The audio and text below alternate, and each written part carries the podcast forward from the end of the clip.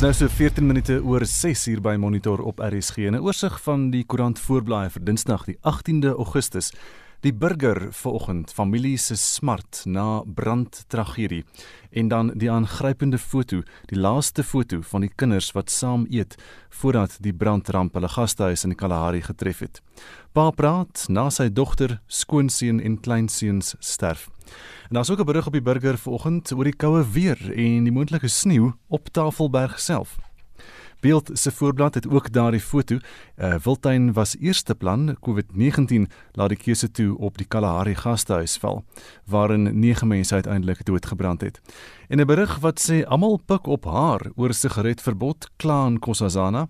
Ek dink ek word te veel krediet gegee wat ek nie verdien nie, sê die minister. Volksblad se digitale voorblad net een kind oorleef. En daar's dan ook 'n vloerplan van die gastehuis waar die brand Saterdag nag Sondagoggend toe nou ontstaan het en 'n foto van dit wat van die lodge oorgebly het en dis ook nie veel nie. Business Day vandag uh, Sasol prepares for 35 billion rights issue. Die petrochemiese reus het 'n voljaar verlies aangeteken en daar is steeds nie lig aan die einde van hierdie tonnel vir die aandeelhouers nie.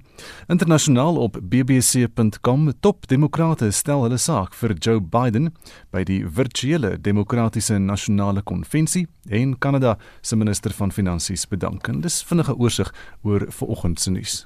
Ja, mense het in Junie van die jaar tou gestaan buite drankwinkels na die verbod op die verkoop van alkohol opgehef is. Die verkoop van alkohol is weke later weer verbied, maar nou mag jy weer sigarette en drank koop, soos bepaal word deur regulasies van vlak 2 van die inperking. Het jy planne gemaak om jou pakkie sigarette of bottel wyn te gaan koop om van die hoeskeneers te praat nie? Gaan jy nou genoeg koop? Ek weet sommige van my vriende het laas verskriklik baie gekoop, in geval die regering besluit om dit te verbied.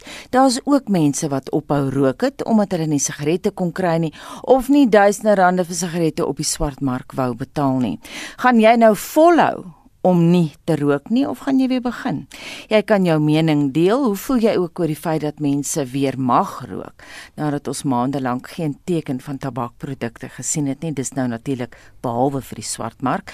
Stuur vir ons 'n SMS na 45889. Dit kos R1.50 of gaan na facebook.com vorentoe skynstreep ZRSG of WhatsApp vir ons 'n stemnota na 076 536 6961. 076 536 6961. Die 17 oor 6 in 'n aantal sektore open vandag nadat die land na vlak 2 van die COVID-19 inperking geskuif is.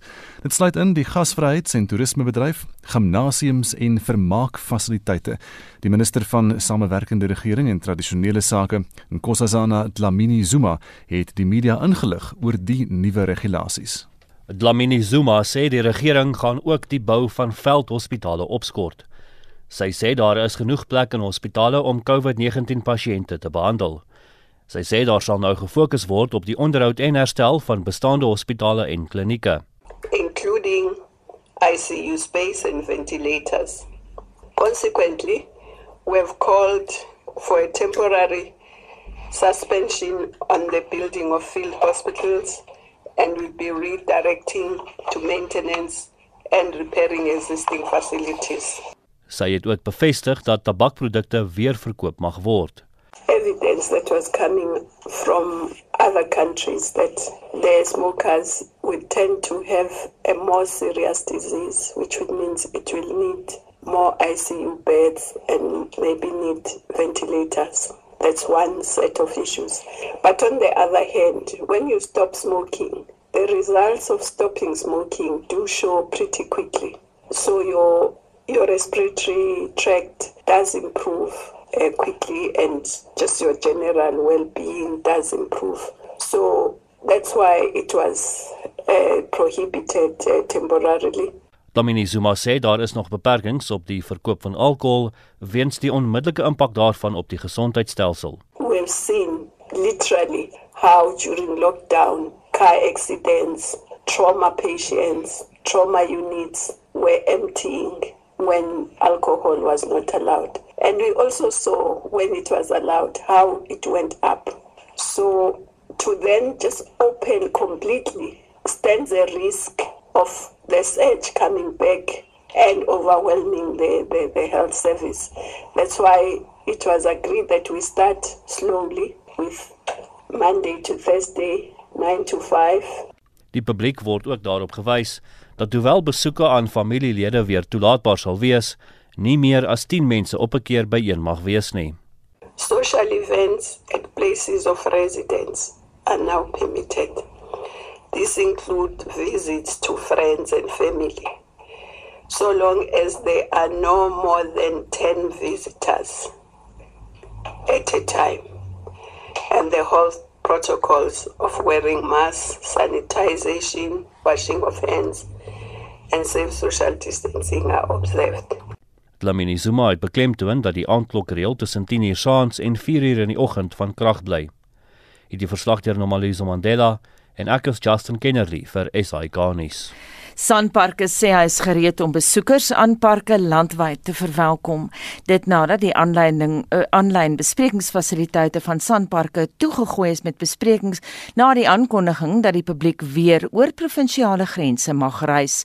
'n Woordvoerder van Sanparks, Reynold Tlakuli, waarsku egter dat daar nuwe reëls en regulasies is waaraan jy sal moet voldoen as jy een van die nasionale parke in Suid-Afrika wil besoek. Following the announcement by the president that the provincial borders will now be opened, we have been inundated with bookings for overnight bookings from various customers who are coming from different provinces. And what we want to communicate to them is that we are still in the lockdown period where we are required to be vigilant. We are required to also exercise the health protocols. So as national parks will continue to actually enforce those health and safety protocols for the safety of both our staff as well as uh, guests. So we expect them to keep on putting on their face masks. Uh, we'll provide sanitizing tools or material in national parks. We'll continue to clean areas that are frequented quite often. And we also encourage them to make their bookings online, to use the online uh, services. They can also call and send emails we are aware that over the weekend, straight after the president has made it, the announcement, in fact, our systems were were actually challenged, and our technicians have since, you know, sorted out that problem. We are expecting, you know, a lot of volume, as it has happened on Saturday, and uh, you know, people must just be patient at this particular moment. This is these are unprecedented times for everybody. We know that they need the parks. Luisteraars het intussen gekla dat gesinne van 4 nie in hulle normale voertuie parke kan besoek nie omdat daar 'n kapasiteitsbeperking op voertuie in plek is gedurende die Grendeltydperk. Besoekers is selfs by die hekke weggewys omdat daar te veel mense in 'n voertuig was. Tlakuli sê die publiek moet die departement van vervoer se webblad besoek om hulle self te vergewis van die reëls wat tans in plek is. Yeah, we are looking into all that, but we are aligning ourselves with the national regulations These regulations are not uh, made by Tenpax. It's regulations that are made by government. So we are expected, like any other organization, like any other company, to, to, actually follow the guidelines as they are, you know, done by government. So if uh, the regulations are going to be amended, we'll still align ourselves with those with, with those regulations. But at this particular moment, we are following what government has promulgated in as far as regulations are concerned. So uh, we are following that, and uh, if, if there's any amendments that needs to be made, we will certainly do that. We advise them to actually also visit the National Department of Transport uh, website so that they are able to know exactly what, what is meant uh, by that. 70% in a five, um, five seater car is three people. So if a 4x4 vehicle takes five people, then that will be three people. They must just go to the Department of Transport. The guidelines will be there and they will be able to, to know because uh, we don't want a situation where people are turned away when they get to the gate. En so sê die woordvoerder van Sanparke, Reynold Tlakuli.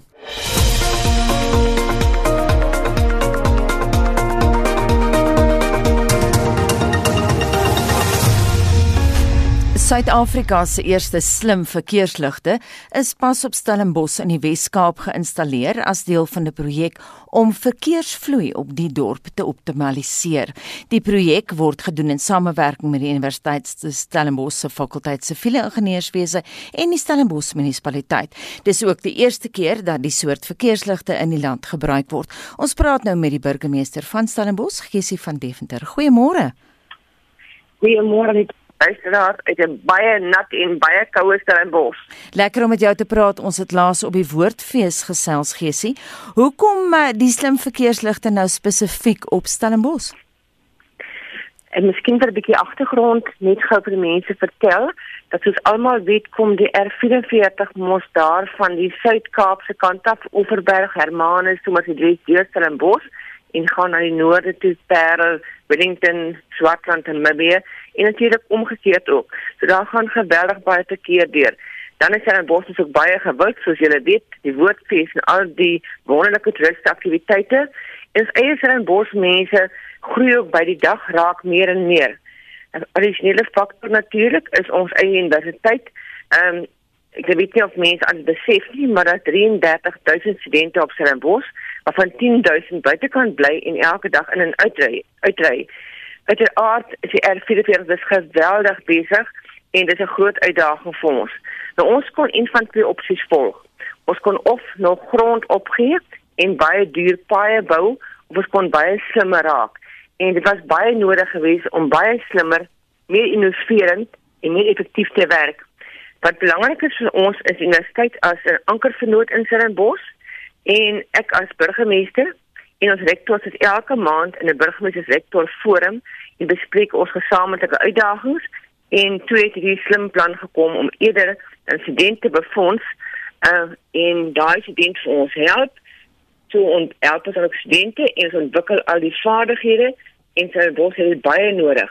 Want verkeersvloei iemand wat dit deure in kan jy weet self Lydia met woordfees mm. dit regtig uitdagend. Die voertuie staan vir ure aan mekaar en dis nie lekker nie. Daarom was dit baie nodig geweest om hierdie slim plan te maak. Wat kos dit? Ag, dis regtig 'n fraksie van die geld wat nuwe pad ons sou kos. Ehm um, vir ons het dit aanvanklik gekos dat ons die beurs van hierdie meeste student begroot en dat ons daarvoor betaal en ook bietjie personeel bysit om te help met installasie. Dis die eerste fase. Dan as die eerste fase voltooi is, gaan ons dan die volgende fase self befonds en self toerusting insit by ander robotte. Maar dit is 'n absolute fraksie, 'n klein fraksie van die koste om daardie pad op te gradeer. Gaan al die robotte vervang word? Nee, daar word 'n addisionele uh, toerusting bygesit. Uh, ek glo die universiteit gaan hierna vir hulle al die tegniese goed vertel, maar basies kom daar lusse onder die grond wat die verkeersligte verbind en dan nuwe kameras. Nou in leuke taal beteken dit eenvoudig dat die hierdie slim verkeerskameras lees al die verkeer voor 'n rekenaar in en die rekenaar skakel alle menslike foute uit. Hulle praat met mekaar, hulle sien daar kom verkeer aan hulle koördineer die vloei van die verkeer om optimale verkeersvloei en verkeersdruk te kry. So geen menslike intervensie af die rekenaar bepaal en dit is net kameras en lusse onder die grond wat basies hierdie werk doen. Dit klink so snaaks. Lusse onder die grond. Gesie, is dit 'n wêreldeerste? Nie wêreld eerste nie, maar die Suid-Afrikaanse eerste en Afrika eerste. Ons uh, weet dat daar is soortgelyke tegnologie in, in Duitsland um, en in Dubai, maar niks in Suid-Afrika nie. Definitief eers in Afrika en ons is baie trots daarop. Dat is so innoverend van wees en geld spaar vir ons mense op hierdie manier. En wanneer verwag julle gaan die projek voltooi wees? Die eerste projek het reeds begin op 15 Julie, maar toe COVID nou kom te verdwyn al die karre. Dit was nogal snaaks geweest. Ehm um, en ons word die eerste fase voltooi te hê by die einde van Oktober van jaar en dan volgende jaar by Junie 2021 gaan die hele projek dan op die R44 voltooi wees. Dan begin die res van Stellenbosch. Uiteindelik sal die hele Stellenbosch uh, onder hierdie dekking wees en hopelik sal ons dan lekkerder kan ry in Stellenbosch en nog meer mense kan ontvang. Baie dankie en baie geluk dit aan Gesie van Deventer, die burgemeester van Stellenbosch. En ons bly by die storie en praat nou met Megan Bruwer, sy is 'n dosent by die departement van siviele ingenieurswese by die Universiteit Stellenbosch en projekkoördineerder van die Stellenbosch Navorsingslaboratorium Smart Mobility Lab. Megan, goeiemôre. Goeiemôre, baie dankie. Hoe het dit gebeur dat jy betrokke geraak het by hierdie projek? Wel PTV wat die maatskappy is wat die sagte ware vervaardig uh, wat vir uh, vir vervoerbeplanning en hierdie verkeersbeheerstelsels. Hulle is 'n 'n vernoot van die uh, Smart Mobility Lab in Stellenbosch. So uh, ons het 'n uh, redelike lang uh, vernootskap met hulle gehad al en um, ek het hulle besoek in 2016 um, in Duitsland en hulle was klaar besig met die implementasie van hierdie uh, traffic adaptive signal control in Europa en hulle tans begin met die eerste toetsproef in India ook. En uh, toe het ons uh, be besluit om om hierdie nou ook nou in Suid-Afrika te toets, ehm um, sodat ons dit kon weer kyk hoe dit werk in 'n ontwikkelende land. En dit is nou basies waar hierdie projek vandaan gekom het. So dit kom 'n hele lang 'n hele lang pad al aan van 2016 af en uh, my studente toe in 2018 uh, eh, begin werk daarop en ehm um, sy graad gekry in 2019 en uh, ja, hierdie jaar is nou die implementasiejaar van die gedoen. So is dit al reeds geïnstalleer of nog nie? Dit is geïnstalleer op een van die uh, verkeersligte in Stellenbosch en ons is nou besig om dit te versprei na die ander uh, robotte op die R44 So al die verkeersligte gaan binnekort verbind word op die R44 deur Stellenbosch en dan soos Gesie gesê het oor 'n paar maande sal ons dan die res van die verkeersligte in 'n tweede fase van Stellenbosch ook na verkoppel. Hoe meet mense die impak wat die nuwe ligte dan op die verkeer gaan hê? Dit is wel op die oomblik uh, kan kan ons ons het simulasies van Stellenbosch, so ons het 'n model van Stellenbosch se verkeer en ons het nou dit ge, uh, gebruik om te meet wat is die ehm um, weet wat wat verwag ons sal die uh, impak wees. Nou dat ons begin het met die projek, gebruik ons ons noem dit floating car data, FCD en ons kry dit van verskaffers soos byvoorbeeld TomTom en TomTom is ook een van die vennote van ons laboratorium in Stellenbosch en ehm um, hulle gee vir ons inligting oor hoe beweeg voertuie. So hoe vinnig beweeg hulle, wat is hulle reistyd deur Stellenbosch en ons kan dit meet uh, en dan kan ons dit vergelyk aan hoe dit was voor die implementasie begin het. So uh, ons moet nou 'n bietjie versigtig wees natuurlik want ons implementeer dit nou tydens die COVID mm. pandemic en en wat nou met jy weet ons kan nie vergelyk teen die verkeers uh, verkeersvolumes wat ons in 2019 gehad het nie. So ons het nou baie mooi gekyk. Ek het nog 'n student wat nou vir my help op die oomblik en sy begin al klaar uh, data in te samel sodat ons kan kyk hoe het die paai gelyk net voor die implementasie maar tydens COVID wel. Ehm um, en dan hoe gaan dit lyk na die tyd? So ons gaan meet hoeveel keer stop voertuie uh, as hulle deurstelling moet ry en ons verwag dat hulle gaan aansienlik minder stop by verkeersligte um, as hulle op die R44 ry en uh, ons gaan ook meet wat hulle reistyd is en dan natuurlik die spoed uh, wat mense ry en hmm. en van ons simulasies het ons 'n idee dat ons kan tot en met 30% ons reistyd verminder deurstelling doen. Wat maak hierdie ligte anders as gewone verkeersligte? Gee sê net nou vinnig verduidelik van die die kameras en die lusse. Yes, so basies dit dis die die verkeersligte bly eintlik dieselfde. Dit is eintlik die die slim ding daarvan is is dis uh, alles sagte ware wat agter uh die skerm kan ons maar sê wat wat agter die skerm loop. So die uh, die kamera stel basies die, die verkeer in ons well in real time. Ehm uh, ons tel die verkeer en daai word ingestoot in hierdie sagte ware in. Ehm um, en dit beplan dan hoe om die netwerk te balanseer. So dit kyk hoeveel verkeer vloei in by elke verkeerslig. Ehm um, en en dan balanseer dit en wat dit doen is dit dit koppel ook die verkeersligte aan mekaar. So dit dit maak dat jy as jy by een verkeerslig 'n groen lig het, het jy 'n goeie kans dat by die volgende een van jy weer groen kry en jy hoef nie weer te stop nie want dit maak natuurlik dat die ehm um, die die op en uit uh, in julle stelsel baie minder raak. So dit is net dit is besagte ware wat agter dit loop en ek dink wat heeltemal wat wat nie is nou met hierdie stelsel is die feit dat dit hardloop ehm um, dadelik. So die die ehm um, die, die inligting kom in ons kry 'n nuwe idee van of of die die ehm um, verkeersligte word opdateer die die faseringsplan uh, en dit word dadelik weer teruggestuur na die verkeersligte toe en word opgradeer. So dit is ehm um, sodra die verkeer verander, verander die verkeerslig as 'n fasefasering. Is daar enige nadele hieraan? Wat gebeur as die rekenaar skielik nie werk nie of iemand steel die kamera of so iets? Wanneer nee, niks gebeur nie, dit slaan net weer terug. Uh, ons op die oomblik uh, gebruik ons ehm um, uh, die die die stelsel ehm um, ehm uh, six times so ons gaan ons keer net terug as daar enige probleme is of byvoorbeeld ons verloor ehm um, kommunikasie met die uh, simulasie of die die uh, rekenaars dan uh, gaan dit weer terug na die normale fasering toe. So eh, 'n uh, persoon wat ry in die stelsel sal glad nie eers weet dat daar 'n probleem hmm. is nie. Ehm um, dit sal net dadelik weer terugkeer na hoe dit was voor die tyd. Is daar enige so, rede hoekom hoekom dit nog nooit van tevore gedoen is in Suid-Afrika nie want dit klink na 'n goeie plan?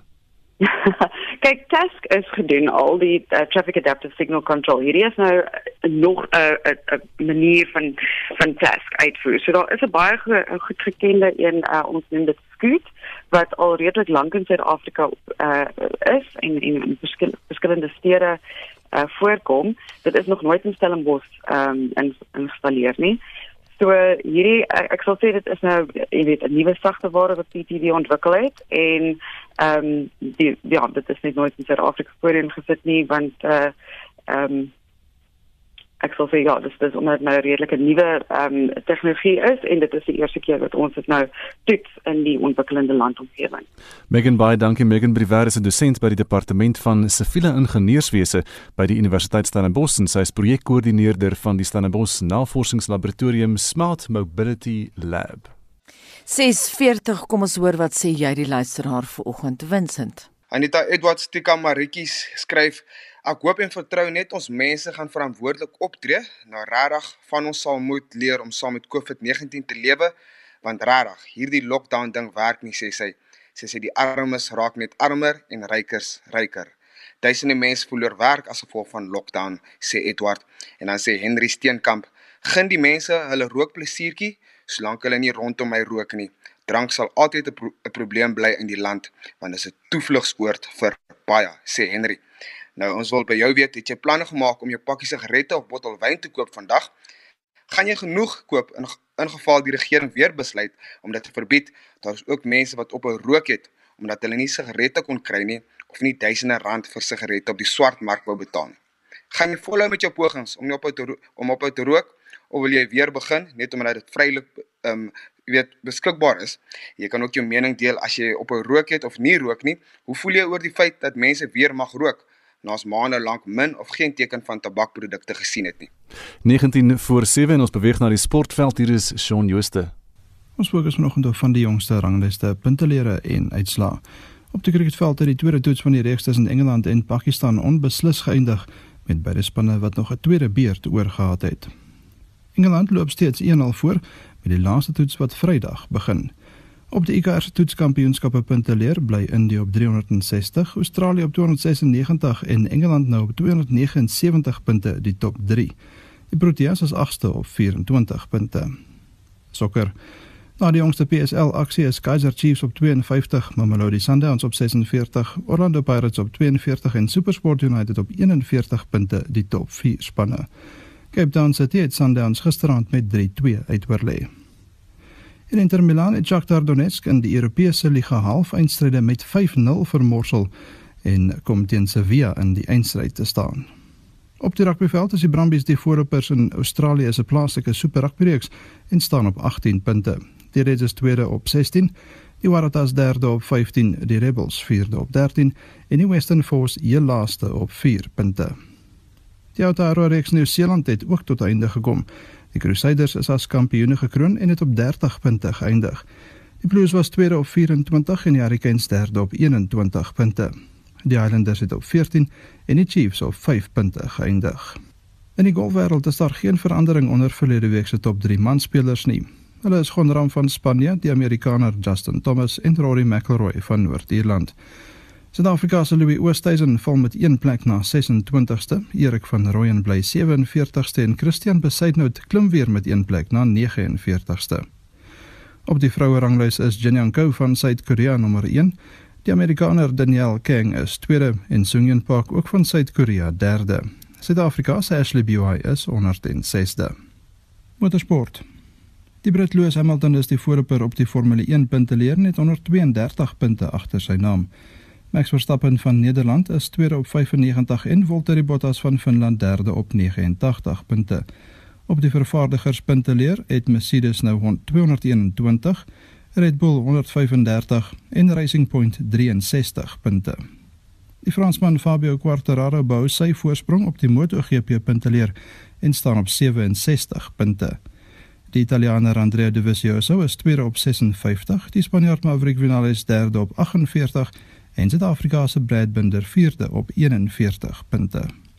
In die tenniswêreld is daar geen verandering onder die top 3 vroue spelers nie. Hulle is Ashley Barty van Australië, Simona Halep van Roemenië en die Tsjeeg Karolina Pliskova. In laastens in fietsrennies.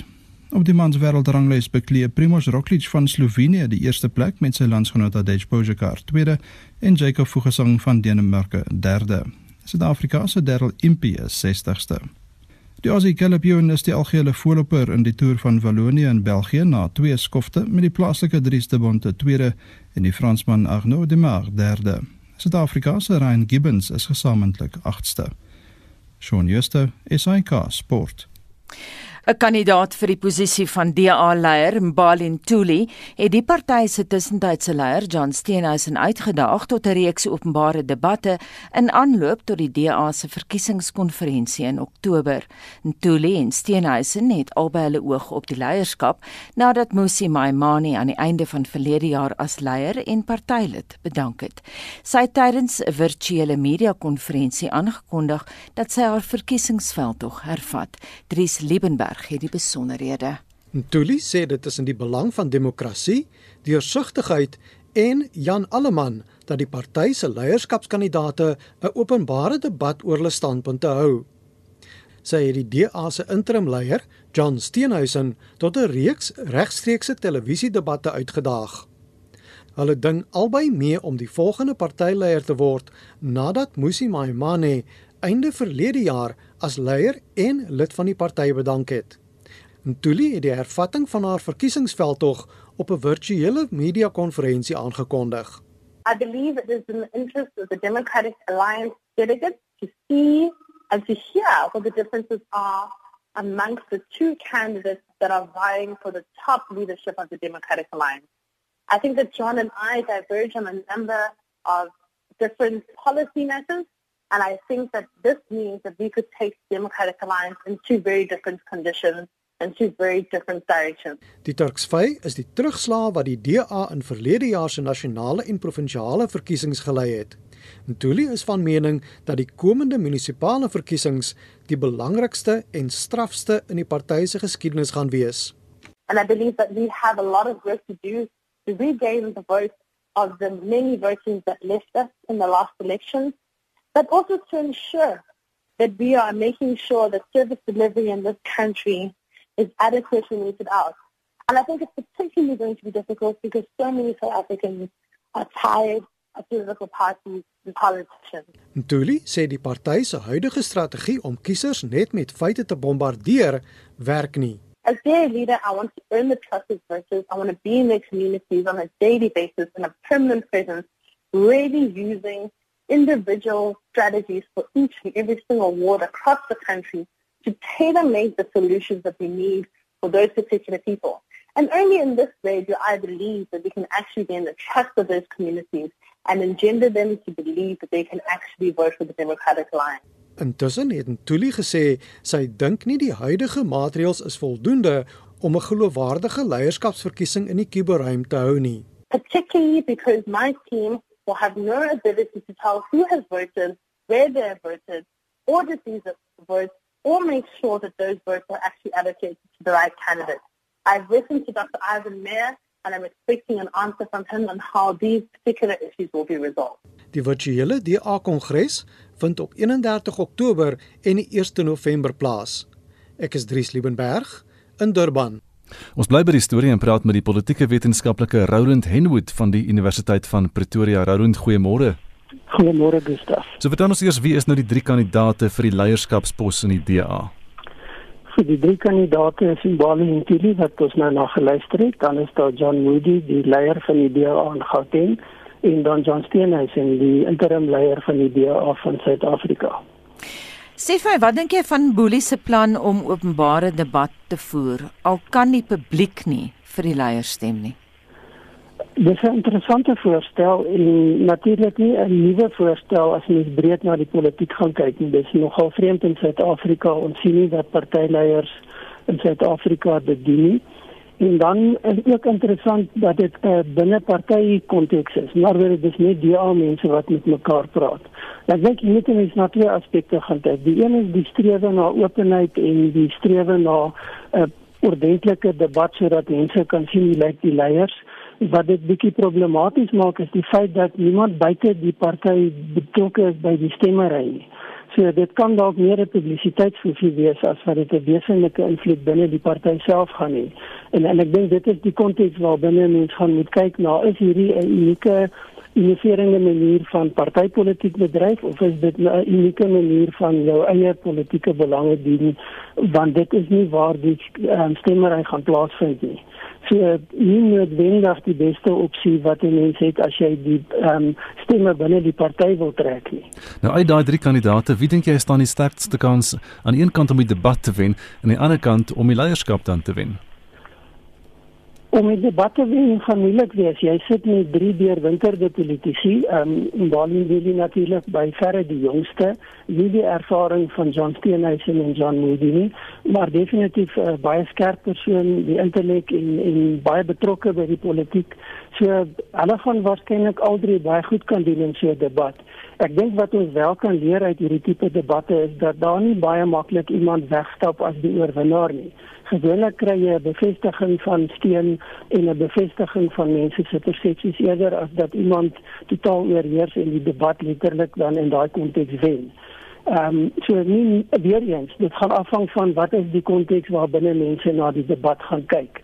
Ek dink as ons gaan kyk na die belangrike konteks van die gesag wat 'n persoon binne die party het, dan is dit waarskynlik baie belangriker om te gaan kyk na wat het partylede gedoen in hulle diens en hulle leierskapsrolle binne die party. Ek dink ook as ons gaan kyk na die afgelope maande dan het John Steenhuisen hom waarskynlik gevestig en lyk dit asof hy die voorloper kandidaat is synde dat hy ook die hoë profielposte in die party bekleed het en dat hy die interim leier is. En ek dink hy het baie effektief gefunksioneer as interim leier. Hy het baie effektief die die die kwessie van die internet en en nuwe media gebruik as 'n um, partyleier om te kommunikeer met lede om voortdurend betrokke te wees om goed te doen sodat mense kon sien wat die DA doen en wat hy as leier van die DA gedoen het. Roland, wat moet die DA doen om stemme terug te wen? Die DA moet homself aanvaarbaar maak as party vir 'n klomp kiesers en daar lê die uitdaging. En ek dink dit is ook wat mense sien in veral die die styl en die benadering van John Steenhuisen teenoor die van Mbali Ntuli. En dit lê in die wese van die DA se se se kritiese debatte. Hoe posisioneer jy jouself? En die uitdaging is tweeledig. Hou ek my bestaande magsbasis in stand en die DA het dit nie effektief gedoen in die vorige verkiesing nie. Baie lede verloor wat nie volkstem het nie en hoe bou ek terselfdertyd 'n nuwe steenbasis uit? En en daar sien ons die die die die dualiteit in die DA en steenhuisen wat baie fokus op instandhouding regmaak van dit wat die DA dink hulle verkeerd gedoen het en dan ook uitreiking. Maar dis nie noodwendig op die manier wat iemand soos Zulu dit gaan doen nie. Sy kyk meer na die konteks van die herstrukturering en die herposisionering van die party eerder as die instandhouding van 'n ou magsbasis. Sy trouens steeds um, spreek er baie sterk uit daarteen dat die party nie terug moet val in die ou politiek nie.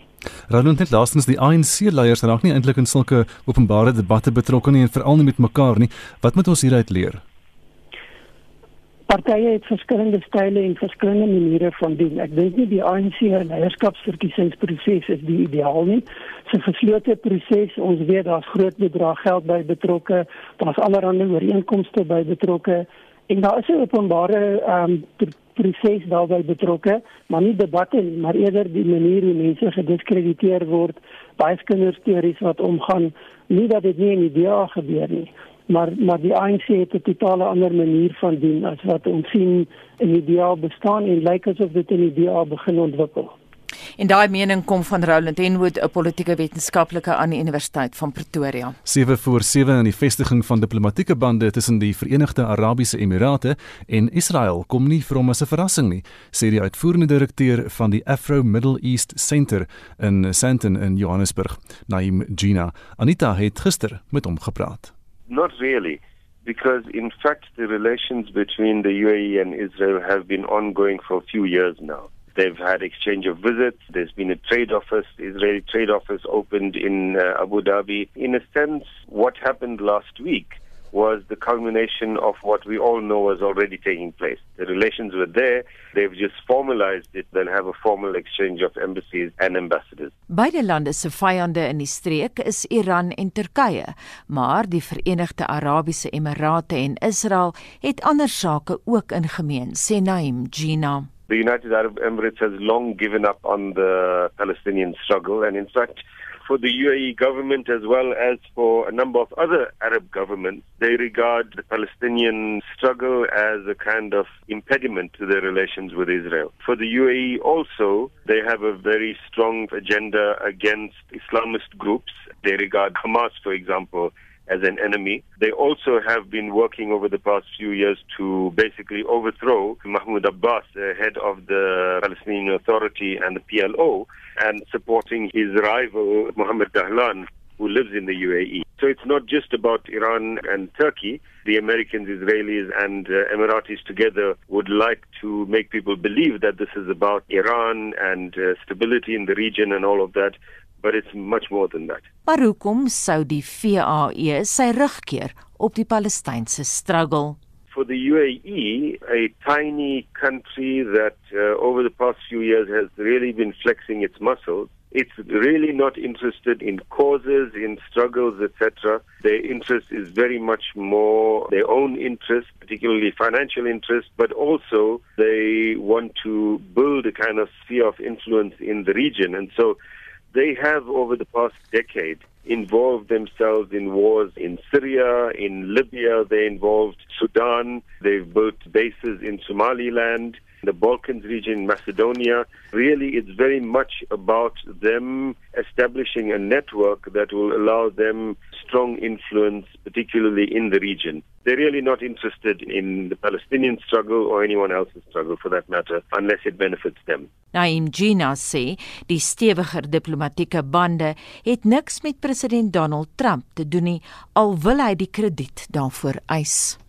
Like to take the credit because all the so-called deals that he has said he's made in the past few years, nothing has really turned out well. And also he has an election coming up, so he needs something that he can present to the electorate as being a big victory. For Donald Trump, it's all about Donald Trump but I don't think that we're talking about something that just happened over the past few months. These links have been ongoing for a long time. It's not even Israeli and Emirati diplomats that should be credited for this. It's Prime Minister Netanyahu on the one side and Mohammed bin Zayed, the crown prince of the UAE, on the other. En wat sou die implikasies op die langtermyn wees? In the near future, I think we could see one or two other states doing the same, with you know the UAE having taken that lead.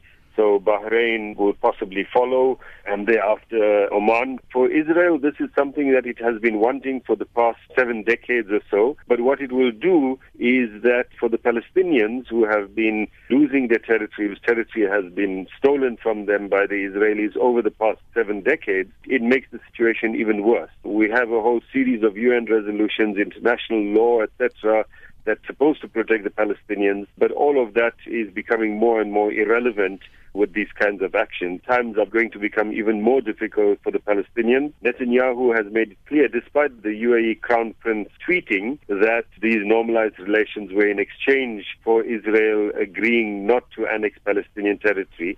Immediately after that tweet, Netanyahu made it clear that there's no such thing. Egipte, Jordanië en Bahrein het reeds die nuwe diplomatieke bande verwelkom, maar wat sou die samewerking vir Benjamin Netanyahu tuis beteken? Not much. Israelis in general knew that these relations had been taking place already, so it's not a big deal from that perspective. But their concerns about Netanyahu's corruption charges and his mishandling of the COVID 19 crisis, etc., means that he's not able to use this to make his ride any easier.